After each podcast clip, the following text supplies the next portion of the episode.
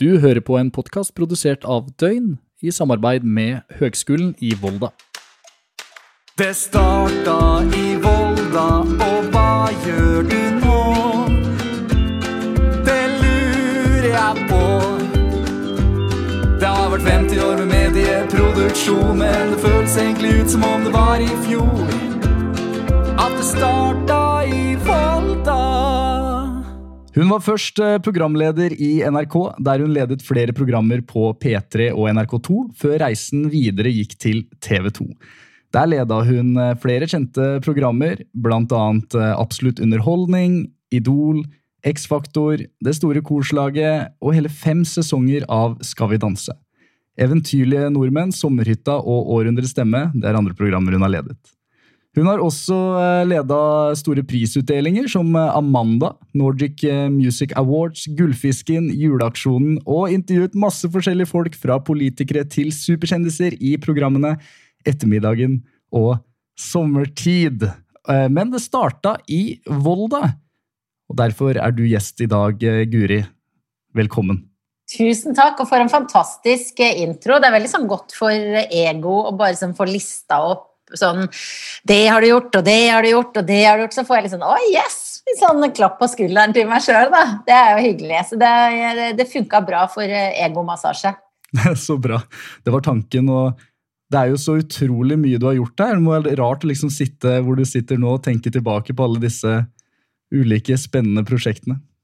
Ja, og det er jo veldig sånn at jeg Uh, ja, jeg syns jeg er flink til av og til å, å, tenke litt over alle de gøye tingene jeg har fått være med på. Uh, og selv om det kanskje uh, er veldig kjekt med disse her liksom store tingene, og sånn, så er det ofte litt sånn de små greiene som jeg har fått være med på. som jeg var sånn, Tenk at jeg fikk lov til det! Tenk at jeg reiste liksom langt inn i regnskogen sammen med Erik Thorstvedt. Eller tenk at jeg fikk lov til å sitte der i Siv Jensen sin leppestiftkjole. Altså litt sånne, sånne liksom rare greier som jeg har fått lov å gjøre på min vei. Da. Det er jo en jobb med mildt sagt variert eh, hverdag, da. Så, så det, det syns jeg er veldig gøy å tenke på. Ja, altså det er veldig, det er veldig lett, i hvert fall for meg som sitter her som, som student og ser på lista som, som, du har gjort, og virkelig på en måte respektere alt det her, da. Det er jo og, og, samtidig sikkert lett for deg igjen på, på andre siden og ikke tenke på alt det utrolige du har fått til. Men dette her skal vi komme tilbake til. Først, eh, hvordan står det til? Er du i Oslo? Nei, jeg sitter på kjøkkenet mitt i eh, Bergen, eh, hvor jeg bor litt utenfor sentrum. Ser ut på strålende vintervær og masse, masse snø. Jeg bor i Bergen, jobber mest i Oslo, men pendling er ikke helt sånn innafor akkurat nå om dagen, så det blir mye hjemmekontor. Hjemmekontoret, har det vært en litt rar tilværelse etter at koronaen kom? Ja, på mange måter så har det jo det, men samtidig så har jo jeg veldig god trening i dette. Altså Hverdagen min er veldig ofte sånn som det er nå, nettopp fordi at jeg eh, bor eh, i Bergen. Så sitter jeg veldig mye på kjøkkenet mitt og jobber, eller sitter på en kafé eller er på telefon med noen i Oslo. Eh, også, også, før covid preget hverdagen vår. sånn at Sånn sett så har ikke livet forandra seg så mye for meg, da, hele arbeidslivet. Så jeg er ganske vant til å jobbe aleine og rundt omkring på rare steder. Ja, det er godt å høre. Bergen, altså Du sitter i Bergen, og det er masse, masse snø og, og, og, og fint i Bergen, altså? Ja, det er det absolutt. Det er skikkelig sånn østlandsvinter som ja. vi ikke er så veldig bortskjemt med her i Bergen. Så Bergenserne er veldig, veldig glade ute og aker og går på ski. Og, ja, det er ikke så ofte vi kan gjøre det. det er så bra. Eh, grunnen til at du er med i denne podkasten, Guri, er jo fordi at vi skal, vi skal prate om eh, Volda. Er du klar til at vi setter oss inn i min lille tidsbil og, og reiser tilbake i denne, i denne maskinen? Eh, jeg har jo tatt eh, med meg flere tidligere Volda-studenter, og nå er jeg jo spent på å høre om reisen din. Eh, ja. Og hvorfor Eh, det nettopp ble eh, Volda. Skal vi ta turen tilbake? Ja, veldig gjerne. ja, da lurer jeg jo egentlig på eh, hvor du var hen når du da søkte deg til Volda? Akkurat da jeg søkte, var jeg nok på Blindern i Oslo. Um, jeg eh, hadde en veldig sånn tydelig plan eh, ganske lenge om at jeg skulle utdanne meg til journalist. Men eh, som veldig mange andre så tenkte jeg at jeg kan jo ikke flytte til Volda. Jeg må jo gå på Journalisthøgskolen i Oslo. Det er altfor langt å reise til Volda. Og jeg hadde en kjæreste som jeg bodde sammen med i Oslo. Og jeg husker, ironisk nok, da, så var det han Husker vi sto i skitrekket på Voss. Så sa han 'Jeg syns du skal dra til Volda'. Hvis det er, det er, jeg syns det er det du skal gjøre. Klart det går fint. Uh, så, det var liksom, da, så det var han som oppmuntret meg, da. Um, og så søkte jeg i Volda og kom inn. um, og så gikk det ikke så bra med det kjæresteforholdet, da, kan du si. Uh, til tross for at man var så støttende. Så det var jo på en måte litt synd. Men, men ellers så, så, husker jeg veldig godt den der, at jeg bestemte meg for det. for ellers jeg måtte jeg ha sikkert jobba enda et år med å samle poeng for å komme inn i Oslo. Jeg ville, ja, Det kan hende at det hadde blitt helt topp, men eh, jeg hadde i hvert fall ikke fått den samme type erfaringen som jeg fikk i Volda. da. Du hadde vært i eh, Voss eh, fram til det punktet, eller var det bare Voss som Nei. på en måte Nei, da var, nok, da var, jeg nok hjemme på en ferie. Jeg flytta, eh, flytta, derfra i 1996, da jeg var ferdig på gymnaset. Så studerte jeg litt på Lillehammer, og jeg studerte et par år på Blindern før jeg begynte, begynte i Volda da, i 1998. Og da gikk turen til Volda. Det var kanskje ikke så stor eh, forskjell fra Voss til Volda, eller tar jeg feil? Det er sånn si, Utseendemessig og sånn, så er det ganske, ganske, likt. På Voss har vi et vann og ikke fjorden som kommer inn, sånn som det så flott gjør i Volda. Og størrelsemessig så er det jo liksom sånn ganske likt. sånn at jeg var jo godt trent i å bo på et sånn et, et lite naturskjønt sted av den størrelsen, da. Så selv om jeg hadde bodd noen år i Oslo da, så var ikke overgangen så veldig stor eh, for meg, da. Eh, og det at det er lite og relativt isolert i Volda, har jo også sine fordeler, da. Jo, man blir jo ganske sånn konsentrert om, om den festinga man skal undergjøre, og alt det skolearbeidet man skal gjøre. Og, ja, så det er vel flere enn meg som har brukt en sånn beskrivelse med liksom folkehøyskoleaktig eh, stil over de årene jeg hadde i Volda, i hvert fall. Ja, når jeg intervjua um, Emil Gukild og Simon Nietzsche i, i, går, så sa de at uh, etter første året så fikk de beskjed om at de kanskje skulle søke seg inn på folkehøyskole fordi de brukte Volda som en folkehøyskole. Å oh ja. Oh ja. hvordan bruker man det som en folkehøyskole? Det lurer jeg på. Det er vel litt uh, hvordan vi lever, og det spesielt det sosiale livet her. Kan du kan du huske da at du pakka bilen og kjørte av gårde til et, var det et kollektiv du flytta inn i, eller var det en privat kåk? Jeg eh, bodde vel i Hvordan var det der, da? Jo da, jeg bodde i Oslo. Eh, pakka bilen, fikk eh, eh hjelp av to venner, og så kjørte vi oppover, og så flytta jeg inn i det var et slags kollektiv. Det var eh, jeg og to andre studievenninner som bodde i en kjeller i eh, Røyslivegen, tror jeg, som er ganske rett bak eh, skolen. Det var sånn eh, klassisk sånn kjellerhybel som tidligere hadde vært barnerom. Da, sånn der lang, smal gang, og så hadde vi tre rom ved siden av hverandre, og så ganske mørkt kjøkken og eh, liten stue og, og, bad med noe sånn stygg grønn linoleum. Men, men det var helt, helt, topp for oss, da. Um, så da bodde jeg sammen med en som uh, jeg kjente litt fra før, um, og en annen som jeg da ble veldig godt sammen, uh, kjent med. Uh, og de to gikk da i TV-klassen mens jeg gikk i radio. Det var sånn det var organisert før, da. så det var helt topp, og jeg husker liksom følelsen av å komme dit og eh, pakke ut på min egen hybel og sende av gårde disse kompisene som hadde kjørt meg, og så eh, ble jeg sjuk med en gang. Nei. ja, så jeg, hadde, jeg husker liksom sånn Egentlig første året jeg var i Volda, så var jeg altså så mye sjuk, for jeg hadde en sånn evigvarende eh, halsbetennelse. Så, så, jeg liksom gikk på liksom, eh, antibiotikakur flere ganger. Men så vet du at til slutt så blir du så lei av og du kan liksom ikke bare ligge inne. Så etter hvert så ble jeg sånn at jeg tenkte nå går jeg på fest. Altså Jeg kan jo ikke liksom droppe alt. Jeg blir jo aldri frisk uansett. Så jeg var hangla en del eh, første året, må jeg innrømme. Eh, men, men jeg, helsa steig etter hvert. Ja, Det var den friske Volda-lufta da, som eh, tok tak i deg og gjorde deg eh, bedre i løpet av de tre årene. Ja, eller de to årene faktisk, som det var da jeg gikk. Eh, Da oh, ja. var, det bare, var det bare to år. Det, så det, det er en følelse som liksom ja, på I min tid så var det folkeskolen. Det liksom, føles litt sånn gammelt ut, men da jeg gikk, så var det, det var ikke noe eget ungdomsopptak. Så jeg var oh, ja. Jeg var vel 22 og var vel den yngste i klassen min da jeg begynte. Og eh, fordi man enten hadde jobba en del for å skaffe poeng, eller studert for å skaffe, skaffe poeng. Og så var det to år, eh, og du gikk rett på da enten eh, eh, radio, avis eller TV. Så det var litt annerledes lagt opp og organisert eh, enn det det er med bachelor og sånne type ting som det er nå. ja, Så spennende å høre om. Dette var jo før min tid. Mm. Jeg var vel ikke påtenkt engang. Nei, det er nok en stund siden, ja. Nei, ikke, ja, ikke si det på den måten, da. um, kan du da, kan du da Ja, som sagt, du sa jo da at eh, fadderuka og liksom den første biten der ble jo litt prega av eh, sykdom og sånn, men du fant deg til rette i Volda, og det var TV du gikk? Nei, jeg gikk eh, radiolinja. Eh, og det var, jeg hadde vel egentlig søkt på TV. Vet egentlig ikke helt hvorfor det. Jeg tror liksom at det var liksom konkurranseinstinkt i meg, for det var liksom vanskeligere å komme inn på, så da søkte jeg på det istedenfor.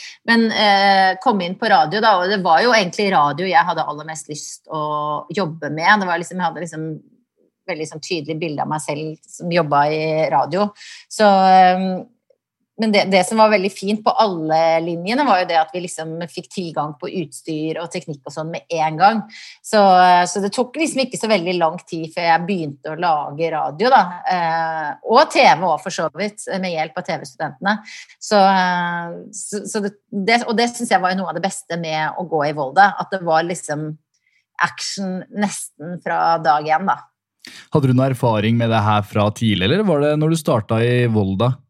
Eh, veldig lite erfaring. Eh, det var Jeg Hadde hatt eh, hadde vel noe sånn mediefag på videregående hvor jeg eh, lagde radioprogram hvor jeg, og, hvor jeg liksom klippa i bånd. og, eh, og hadde liksom gjort lite grann på det. Og jeg hadde også hatt, hatt arbeidsuke i P3. Oi. Og du vet, når man har arbeidsuke, så får man jo liksom ikke Var jo ikke så mye på lufta og sånn, men jeg hadde i hvert fall en sånn veldig tydelig følelse av eh, radio, da, og at det var det jeg ville gjøre. Men uh, utover det så var jeg en, en fersking. I motsetning til da mange som gikk i klassen min, sant? fordi at de hadde da jobba kanskje som journalister uh, uh, tidligere. Så, så det jeg opplevde som veldig positivt, var jo at det var jo veldig mye kompetanse samla i klassen. Så vi lærte jo veldig mye av hverandre. Det at liksom alle var sånn supermotivert og hadde? Jeg hadde da studert i, i tre år før jeg begynte. Hele tiden med tanke på at jeg skulle utdanne meg eh, som journalist. Så jeg var jo ekstremt motivert, sant? og gå sammen med da like motiverte eh, studenter som i tillegg har erfaring. Da blir det liksom en sånn der bra samling av krefter. Da. Så, så det, opplevde jeg som veldig nyttig å ha eh, og veldig sånn Folk var jo voksne, ikke sant? Altså eh, Godt over 25, 26, 27, liksom. Ja. der, så det var, det var mye hjelp å få av hverandre. Så da ble det bare at du ble enda mer inspirert til å fortsette å gå denne veien. Men da, da var det radio og, og den eh, type media som du hadde lyst til å drive med. Var det etter hvert at du fant ut fordi jeg ser jo på deg som en av de største måte, programlederne i hele min eh, oppvekst. Eh, ja, altså, jeg har for så vidt vært programleder eh, liksom 99 av eh, karrieren min. Jeg begynte som reporter i P3 og jobba, men, men begynte ganske raskt som programleder, også på radio. Eh, så, så på et eller annet vis, uten at det har vært en sånn eh, plan, men, men det er jo det jeg likte best, og kanskje fikk det best, da. Så så det er jo liksom bare noe man eh, ja, du vet Av og til så er det liksom tilfeldigheter hvor man havner eh, i første jobben osv. Men, eh, men det å gå fra radio til TV, det var jo mer noe som eh, bare skjedde via Som skjedde via altså, jobbtilbud og sånne ting, da. Vi får komme litt nærmere til det etterpå, men uh, først, uh, når vi er i Volda her, hvordan, hvordan var en typisk da studieuke for uh, Guri Solberg i Volda. Uh, bortsett fra at jeg skjønte at det var en del eh, sykdom da, første året der. Ja, ja, må ikke liksom få det til å fremstå som jeg liksom var helt sånn Jeg bare husker det at den der halsbetennelsen slo ut i full blomst. At det var trist. At det første jeg måtte finne ut av i, i, i Volda sentrum, var hvor uh, legekontoret var. Men, men, jo, en vanlig studieuke altså, Det var vel sånn Kom vel litt an på liksom hvor, i, hvor i løp vi var. Vi hadde praksisperiode eller ikke. Men jeg husker meg selv som en veldig sånn ivrig student. da, At jeg liksom eh, fra mandag til fredag var aldri jobba så mye med skolen. Men, men, på en måte, jeg har jo heller aldri festa så mye. sånn at det var veldig sånn Det var jo veldig gøy å være på skolen fra morgen til kveld fordi det var der det skjedde. Eh, og det var jo da selvfølgelig eh, forelesninger og lesing og sånn, men jeg husker ikke så veldig mye sånn lesesalsliv uh, fra den tida. Jeg satt liksom de, de, gangene jeg satt og leste til eksamen og sånn, så var det mye sånn i der de kalte det å styre romskipet. Liksom, da var Berte Kanuttehuset helt nytt. Da, så liksom sitte på biblioteket der i de glassvinduene og lese, det var liksom Men det var liksom ikke så ofte, da. Og så husker jeg det var sitte på datarommene, og dette her var jo før, eh, før vi hadde liksom vår egen Mac under armen og sånn, så da var det å liksom eh, logge seg på oppe i andre etasje eller noe sånt på Berthe Kanutte og sjekke, sjekke e-posten på Netscape og sånn. Så det var i gamle dager. det er så artig. Eh, var, det, var det rocken eh, dere dro ut? Var utestedet i Volda, eller var dette pre-rocken? Dette her var rett og slett pre-rocken, så eh, kroa lå der nede ved ferjekaia, liksom. Okay. Ja, sånn eh, Ganske sånn eh, mørkt og jeg vil ikke si kummerlig, men helt sånn gjennomsnittlig studentkrosted. Så um, var veldig eh, Var jo der hver gang det skjedde noe. Og jeg har jo seinere tenkt det at at jeg tror kanskje jeg gikk mer på konserter i Volda enn jeg gjorde f.eks. alle de årene jeg har bodd i Oslo. Fordi mm. at eh, i Oslo så har du liksom til enhver tid eh, tilgang på utrolig mye kulturtilbud. Da. Men i Volda så er det liksom eh, Hvis Bob Hund kommer, da er det banna bein at du drar og ser de. Eller altså, hvis det er noen andre som jeg kanskje ikke er så stor fan av, så, liksom, så drar man dit. på en måte. Jeg gikk på alt som var.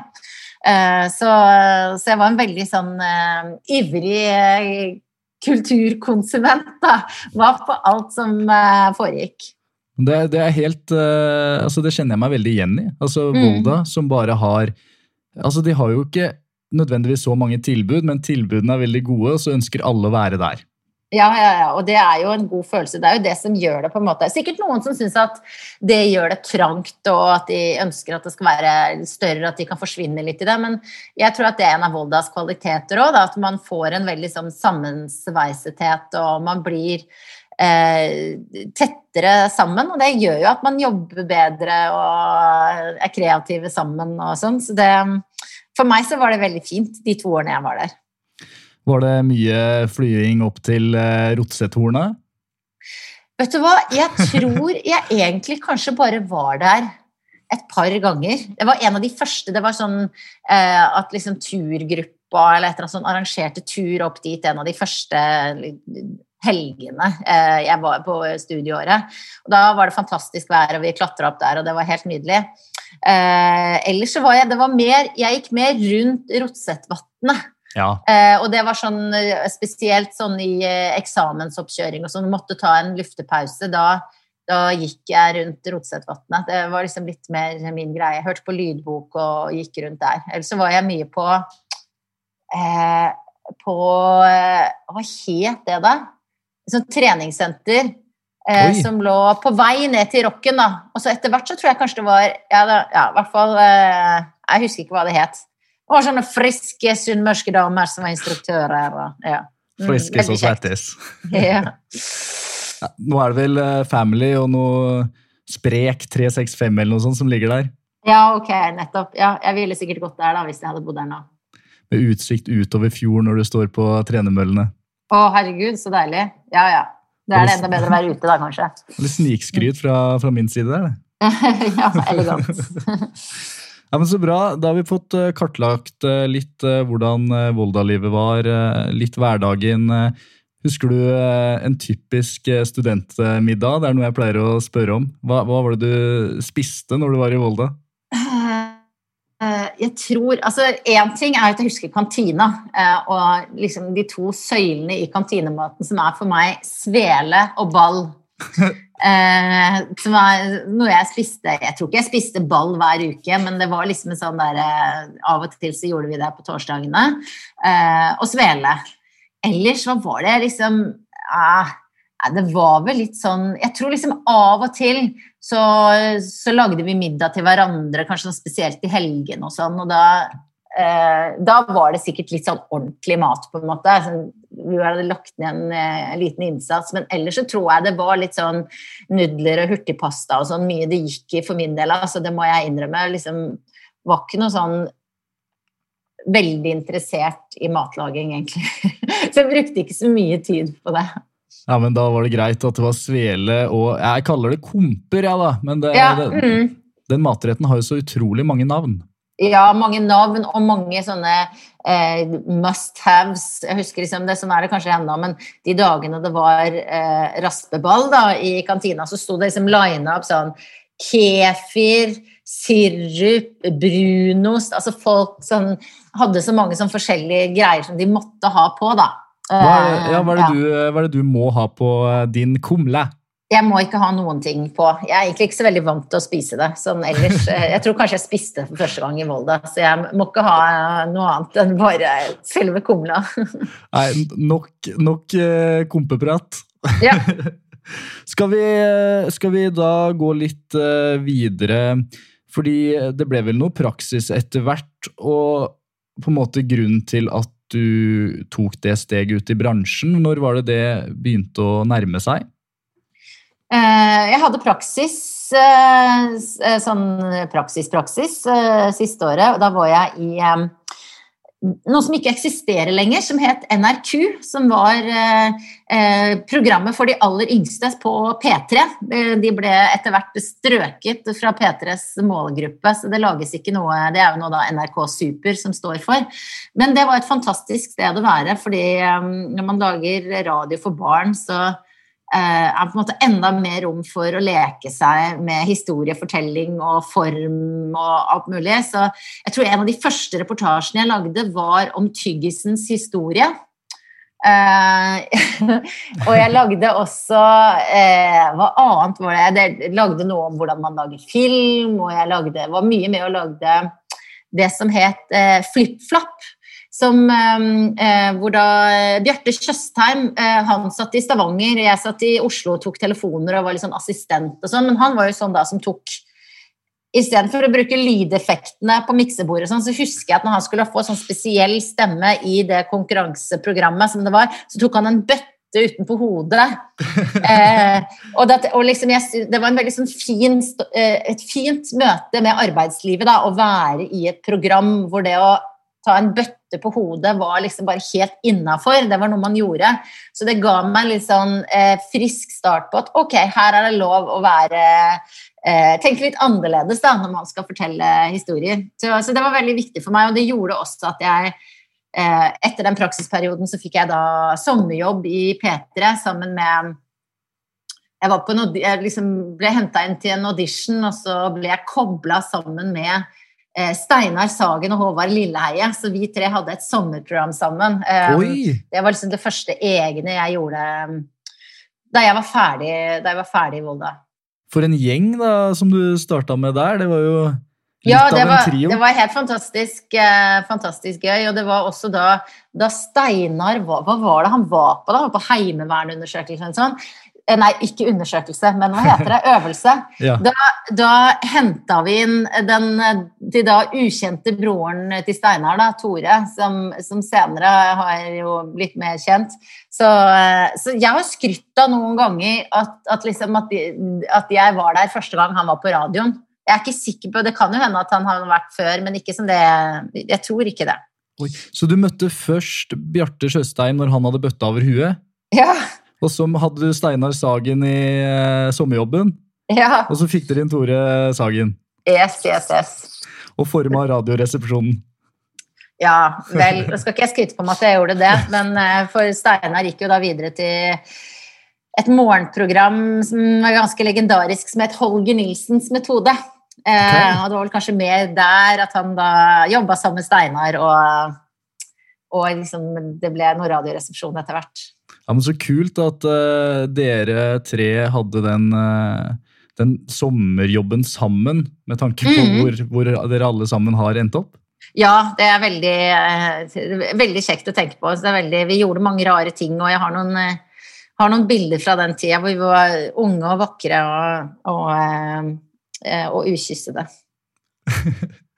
Og, og fra den sommerjobben, så hvor, hvor bar det videre da? For dette her var rett etter uh, Volda og Praksis, og så var det sommerjobb sammen med dem, og så var det videre.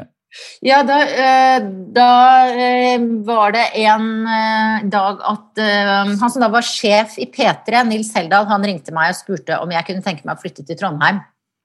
For da eh, hadde han jobb til meg i eh, et program som het Kaliber, som var sånn eh, magasinprogram nyheter fra kultur og underholdning, da, først og fremst, eh, men også andre nyheter. Eh, Rune Nilsson var programleder der, eh, Ja. så da flytta jeg til Trondheim. Eh, pakka den varebilen igjen, da, og så kjørte pappa meg til Trondheim. Eh, flytta jeg på en liten hybel og starta Det var vel i august 2000 eller noe sånt, da, så starta jeg å jobbe som reporter i Kaliber. Og så Det var en helt sånn fantastisk tid, for da eh, Det var jo akkurat som å fortsette studenttilværelsen. Det var bare unge folk som jobba der, og eh, de fleste hadde flyttet dit, på samme måte som vi flytta til Volda. Så flytta folk til Trondheim for å jobbe i P3, som har hovedkontor der. Um, og eneste forskjellen var at jeg begynte å tjene penger. Eh, så det var jo helt da Det var en veldig sånn fri, fri og deilig periode. Og så var det da em, en dag jeg hadde eh, Nei, hvordan var det? Jo, jeg var eh, han godeste Enten så var det Howard, eller så var det HC. En, det, begge disse to er eh, var radio-DJ-er på P3, hadde bakgrunn fra kommersiell radio og var sånn old school platepratere, veldig dyktige. Ja. Og så var det en av de som var Jeg tror det var HC, som eh, var syk eller bortreist, eller noe sånt, så jeg var vikar i to uker. Eh, ganske raskt etter at jeg hadde begynt i P3. Oi! Eh, og da husker jeg at eh, da kom eh, P3-sjefen inn i studio igjen under en dobbeltlåt, og så sa han du, har du lyst til å gjøre dette mer? Og så, og så fikk jeg rett og slett overta den flata. Så det, jeg jobba liksom ikke så veldig lenge som reporter før, før jeg begynte å lage, lage mitt eget program, da, som fikk det fantastiske navnet Hold deg fast. Og så dette mener Tore Sagen at det er han som har kommet på, nemlig Gush. Eh, Et aldeles eh, forferdelig navn, egentlig, og det er noe veldig sånn 90-talls over det. G-U-S-C-H, tror jeg vi skrev det. Jeg tror tanken var at det liksom skulle springe ut fra navnet mitt. Eh, ja, ja. Men eh, sånn er nå det. Det var Så- veldig gøy. Så med gusj så så du deg egentlig aldri tilbake, og da var det starten på programleder eh, Guri Solberg som jeg kjenner i dag. Ja, det var det vel. Um, Så det var, jeg følte meg veldig heldig som eh, fikk sjansen til det så, så tidlig. Og selv om jeg bare var tre år i P3, så er P3 fortsatt en sånn referansearbeidsplass for meg. Altså det, jeg føler liksom at det, det var der jeg hadde lyst til å jobbe. Det var der jeg fikk jobb, det var der jeg ble tatt imot med åpne armer og lærte veldig mye. Så selv om jeg nå har vært liksom altså jeg har jo vært over 15 år i TV 2, så er det på en måte er liksom P3 er veldig sånn det som jeg tenker på som min sånn arbeidsplassen i mitt hjerte, da. Hørtes ut som en uh, utrolig fin plass å være da, når du starta. Og Trondheim uh, som, uh, bare som studentby er jo helt nydelig. Og også nå etter studietida, at det var litt den der, fortsatt den filen. Det hørtes koselig ut. Ja, ja, og det var veldig koselig. Og veldig, jeg fikk veldig raskt eh, mange gode venner som den dag i dag er blant mine beste venner. Så, så det var en veldig, veldig fin og spennende tid, syns jeg. Så jeg regner med at eh, når eh, da eh, folk og andre kanaler altså de, de hørte deg og så hva du gjorde i Gush, Så ble du bare da headhunta videre, eller? Til TV 2? Uh, nei, jeg gikk via NRK2. Jeg hadde, da jeg var ferdig med Gush, så um, overtok jeg programlederjobben i Kaliber, som jeg tidligere hadde vært reporter ja. i. Et litt større program, da. Og så uh, var det uh, kulturprogrammet Stereo som fantes da på NRK2. Da var liksom NRK2 litt mer sånn som NRK3 er nå. Ja. Eh, og det var et kjempebra kulturprogram som egentlig skulle legges ned. I kjent NRK-stil så fant de å, vi har likevel litt penger, så eh, la oss prøve å fortsette å lage det. Og så hadde de audition eh, hvor de eh, hvor de testa ut en hel haug med folk, eh, blant annet meg, da. Da det var en liksom, hel dag med utfordringer. Um, og eh, Nå husker jeg ikke alle som var der, men jeg, vet at, jeg husker veldig godt at Petter Skjerven var der. Og Petter Skjerven fikk den jobben, og så ville de ha meg som sidekick. Og så tror jeg kanskje at jeg sa at det gadd jeg ikke, for jeg hadde det så gøy i P3 som programleder. Uh, men så uh, sa han nei, eller han fikk sikkert et eller annet, eller noe sånt. Så da fikk jeg den. Eh, så det var min første programlederjobb. Eh, det var et ukentlig kulturprogram eh, på NRK2. Og mens jeg jobba der, så fikk jeg telefon fra en av sjefene i TV 2. Og spennende. Ja, veldig spennende. og du vet hvordan det er der. Liksom sånn, når jeg tenker på det nå, så var det bare sånn Jeg tror ikke jeg skjønte hvor kult det var. Altså, eller jeg skjønte det, men det er akkurat som, som man liksom, eh, når man er midt oppi det, og når man er ung og sånn, Det jeg var mest bekymra for, var at jeg skulle gå fra kredible og kule og trygge og morsomme P3 over til Satan sjøl, kommershelsike eh, TV 2. Sånn at det mer enn at jeg tenkte shit, jeg må være et talent, noen vil ha meg, så var jeg full av kvaler og grublet og veldig mye sånn, da. Eh, før jeg til slutt sa ja til å gå til TV 2. Altså heldigvis. Eh, for da hadde jeg allerede sagt nei til et sånn TV 2, slags TV 2-tilbud litt tidligere. Eh, og det er sånn jeg tenker tilbake på, liksom, at jeg hadde At jeg turte men jeg tror det er liksom bare litt sånn naturloven er at man, når man er midt oppi det, så har ikke ego godt av at du skjønner liksom hvor kult det er. Liksom. Det er først i etterpåklokskapens lys at du klarer å se det ordentlig. Eh, så nå gjør jeg i hvert fall det, da. Ja, men Det tror jeg er et uh, typisk fenomen når du står midt oppi det. og Da, da valgte du TV 2. Var det rett inn i nye programlederroller? da? Jeg nevnte jo veldig mange programmer, så det virker som at fra her og, og til nå så har det blitt brukt veldig mye altså i store satsinger for TV 2. Ja, jeg begynte, eh, den, den, jobben jeg fikk da, eh, da jeg gikk til TV 2, var noe som het Absolutt underholdning. Et program ja. som jeg ikke bare savner å jobbe i, men som jeg savner å se på. Det var et daglig nyhetsprogram fra kultur- og underholdningsverdenen på liksom TV 2-stil. Altså vi var jo liksom Vi kunne se rapporter fra Victoria's Secrets uh, siste moteshow. Det var liksom ikke alltid min favoritt, men så dekket vi f.eks. også um, rettssaken mot Michael Jackson ordentlig uh, som nyhetsjournalister. Så det var liksom et program som uh, samtidig som det var veldig tabloid og TV 2-ete, veldig sånn grundig og bra, da. Så det var veldig, veldig gøy å jobbe det en veldig dyktig redaksjon som jeg var del av. Jeg lærte veldig mye av det. Eh, men så begynte jeg, så fikk jeg da tilbud om Skal vi danse, var liksom det første sånn, eh, sånne store underholdningsprogram. Og derfra så var jeg liksom over i det underholdningskjøret. Så da, da var det liksom den type program som kom med som perler på en snor da etter hvert. Det, men jeg har jo hele tiden savnet litt og blir veldig glad hver gang jeg får eh, oppgaver som er litt mer over i Eh, det journalistiske, da. Det er fint å liksom eh, kunne, kunne jobbe på den måten også, syns jeg. Ja, jeg skjønner. Altså Ja, eh, litt, litt, mer tyngde sånn sett, men samtidig eh, kult da å komme til, eh, til, Skal vi danse og gjøre alle For, for min del så høres det kjempekult ut å, å gjøre alle disse mer reality-programmene. Ja, kjempegøy.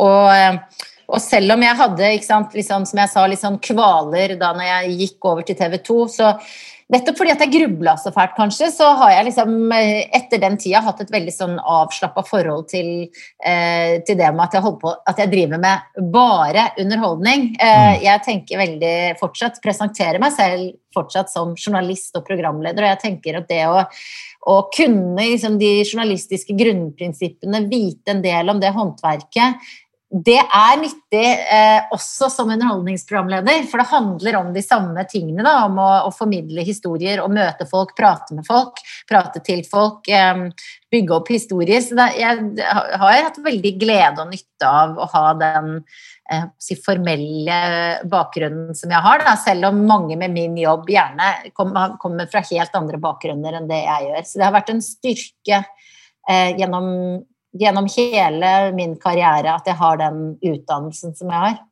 Ja, Så godt å høre. Altså, det å ha en tyngde i den journalistikken og røtter der. Eh, jeg tror, ikke, jeg tror ikke vi skal undervurdere underholdningens kraft i, eh, i livene våre, så hvor viktig det egentlig er, og hvor viktig den jobben du har gjort i alle disse programmene. Tenk på alle de stundene folk har sittet i stuene sine og, og gleda seg over de programmene du har vært med å lage. Ja da, og det er jo veldig, det er jo veldig hyggelig å tenke på det. Og, eh, og, jeg tenker at eh, jeg ønsker å være med å lage noe som folk har en glede av, da, og da har jeg lyst til at det skal være bra. Så jeg har ikke noe Jeg går rakrygget på jobb og eh, tenker at selv om jeg ikke hva skal jeg si, redder liv eller, eller gjør noe som, som, hvis man skulle rangere yrker, hadde blitt satt helt på toppen, så tenker jeg for meg så er dette en, en viktig og meningsfull jobb. Da. Og det er jo viktig for å ha det bra, at man tenker at det man gjør er liksom, har en betydning for folk. da. Samtidig så snakka du om at uh, du reiste på en tur til, uh, til, Afrika der, som du fikk uh, lov til å gjøre. Jeg har sett noen andre sånne innslag hvor du har tatt og vært mer en slags frontperson for, for kreftsaken, og, og, veldig sånne viktige temaer også. hva var det du gjorde når du dro på den turen, da? Ja, Den turen var til Brasils regnskog. Ja. Det var i forbindelse med før OL skulle være i Rio, så hadde sporten en, en satsing hvor de Sammen med Regnskogfondet så fikk jeg dra sammen med Erik Thorstvedt inn til to veldig avsidesliggende indianerstammer dypt inne i Amazonas. Wow. og det er jo liksom helt Det er jo som en chartertur Eh, til eh, et sted i verden hvor man ikke får reist, med mindre da Regnskogfondet er der og holder deg i hånda. Så, så, så det var bare sånn eh, Når jeg ble spurt om det, så takka jeg ja på ett sekund, liksom. Og det, det er jo et veldig privilegium å få mulighet til å, å, være med på sånne ting. Og veldig veldig lærerikt. Da. Og, og, det er jo noe med når man først har vært på en sånn tur, og sånn, så har, det har jeg et mye mer bevisst forhold til avskogingen og hvordan vår livsstil eh, påvirker det livet som de har der. Og i det hele tatt veldig lærerikt eh, og et stort ansvar da, når jeg, når jeg får lov til å være med på sånne ting og prøve å formidle det. Selv om det vi holdt på med der, var jo da å konkurrere mot de lokale i tradisjonelle idretter. Det var Thorstvedt og jeg, da i bryting og ja, Vi spilte fotball også, men det, det fikk ikke jeg være med på. Det var ikke så mange damer som spilte fotball. Men, så, eh, ja. så, det er jo også et eksempel på at noe som, som i, i, form er underholdende, kan være meningsfylt og uh, bringe lærdom til folk. Da. Det er det jeg tenker. Uh, nei, som sagt, jeg er veldig, jeg er veldig for underholdning. Bra. um, men Guri, blir du blir du ikke stressa av alle disse programlederrollene? For min egen del så har jeg også en liten drøm om å kunne lede programmer eh, i fremtiden. Men samtidig mm. så er kroppen min litt sånn at den jobber litt imot meg. Selv om jeg elsker det, så syns jeg også det er fryktelig, fryktelig skummelt. Og det, og det gir seg ikke. Eh, men har det kommet med trening for deg, eller, eller, har du på en måte alltid hatt et veldig naturlig forhold til det å være programleder?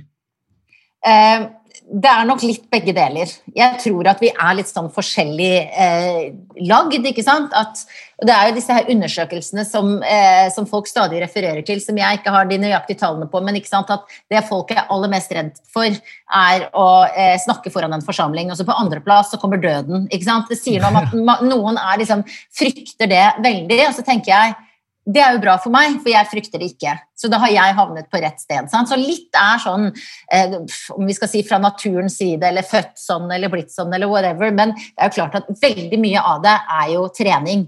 Og jeg var jo mye mer nervøs i begynnelsen eh, enn det jeg er nå. Og det handler jo om liksom, at man får rutine på, jeg får rutine på hvordan jeg skal forberede meg, og at jeg eh, vet hvordan ting funker. Jeg blir ikke stressa av altså, alle disse her Alt det som kan forstyrre da, når du står i en stor TV-produksjon, at det er mange som maser på deg, at det er fullt av publikum, at det skjer noe teknisk at uh, det er liksom mye støy du må uh, holde ute, det blir man jo veldig god på etter hvert. sant? Um, samtidig så, så, kan man jo også hvile seg etter hvert. Liksom, du vet at det går helst bra. Etter hvert mm. så tar det mindre krefter. Eh, det krever ikke så mye forberedelser lenger, for at jeg på en måte kan hvile litt i min egen trygghet. Jeg vet at ok, jeg skjønner at du er nervøs nå, men husk, dette pleier å gå bra. så, så, så, jeg tror nok man kan eh, mengdetrene seg til, eh, til veldig, veldig, mye, selv om det er litt sånn at du har det eller ikke har det, til en viss grad også. Nei, Jeg skjønner, for det, det virker for meg som ekstremsport å skulle gå ut og lede Amandaprisen live.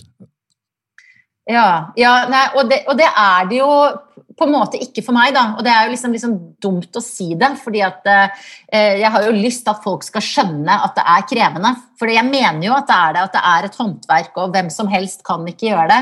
Mm. Men, men noe av nøkkelen er jo kanskje det at når jeg står da bak scenen på Amandaprisen, så er jeg ikke lamslått av redsel.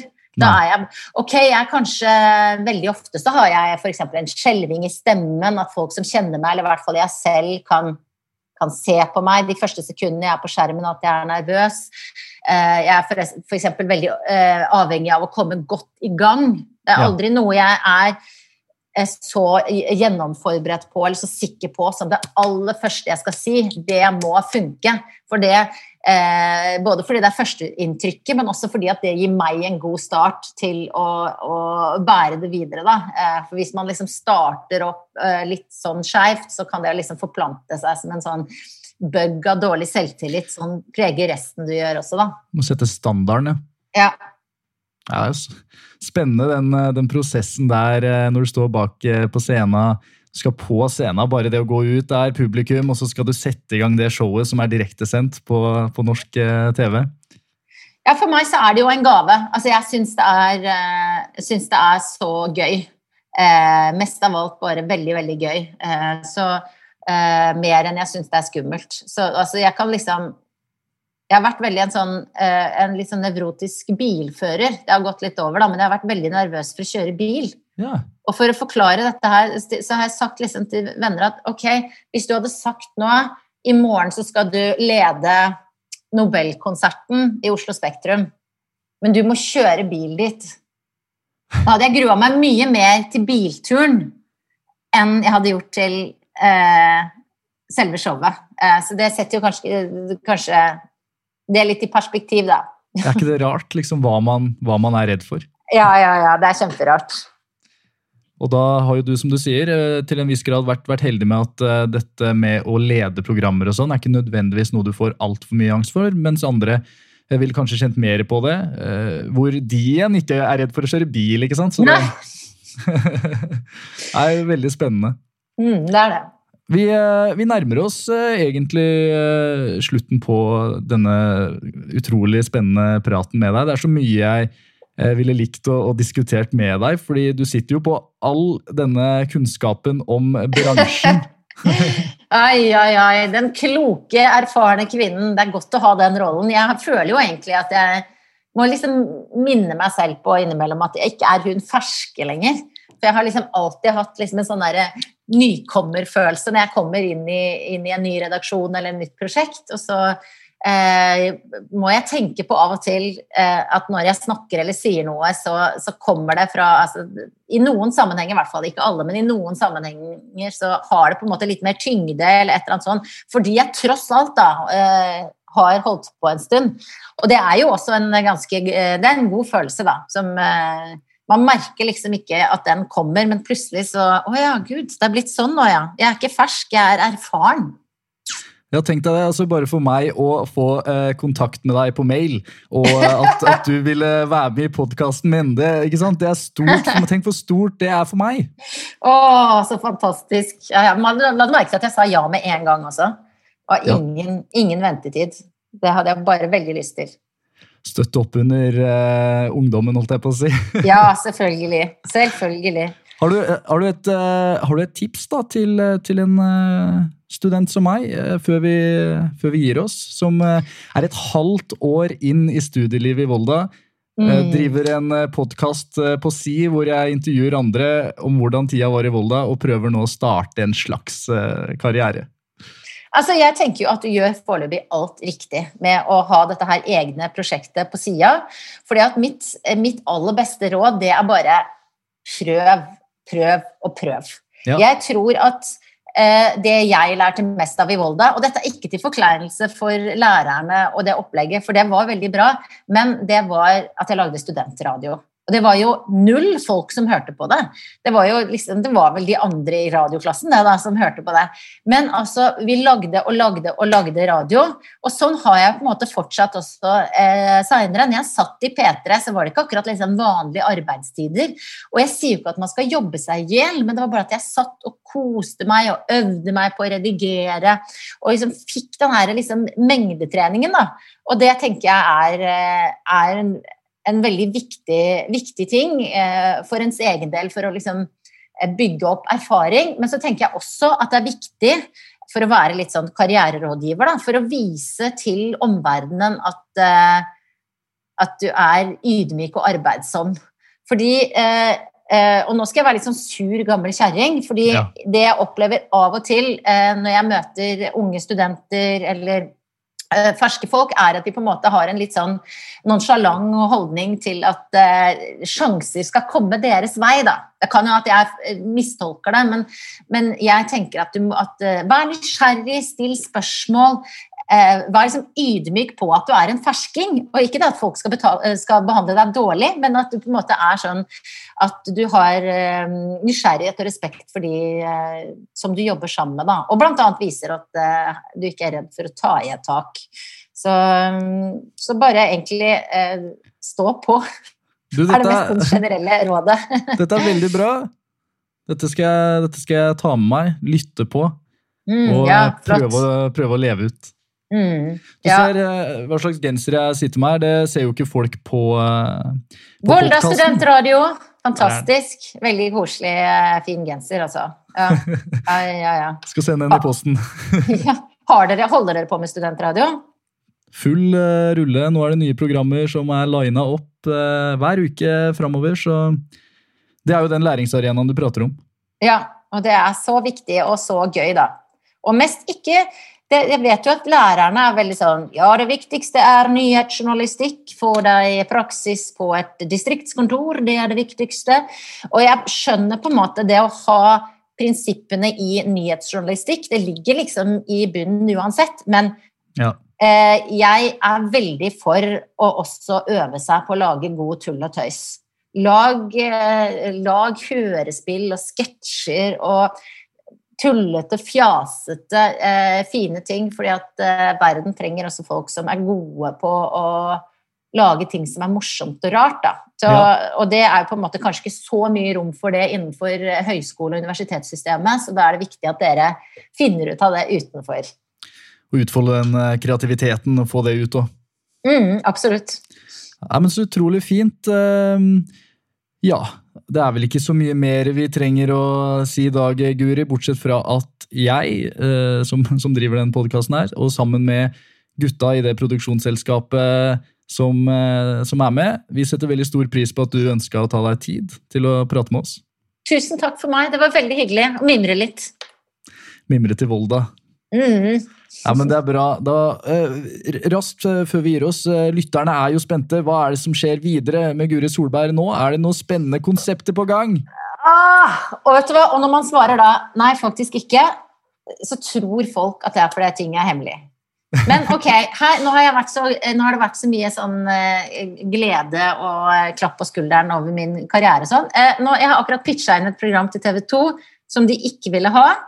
Eh, Jeg driver og voicer en ny sesong med Sommerhytta og skal i gang med en ny sesong med Sommerhytta. Så det er jo ikke akkurat nytt og spennende, da, men det er veldig gøy. Ja. Eh, Jeg holder på fortsatt på femte året å lage podkast, så den er veldig kjekt om folk eh, hører på. Men det er også driver jeg og lager en ny pitch, da. Og sånn er jo også livet, dere.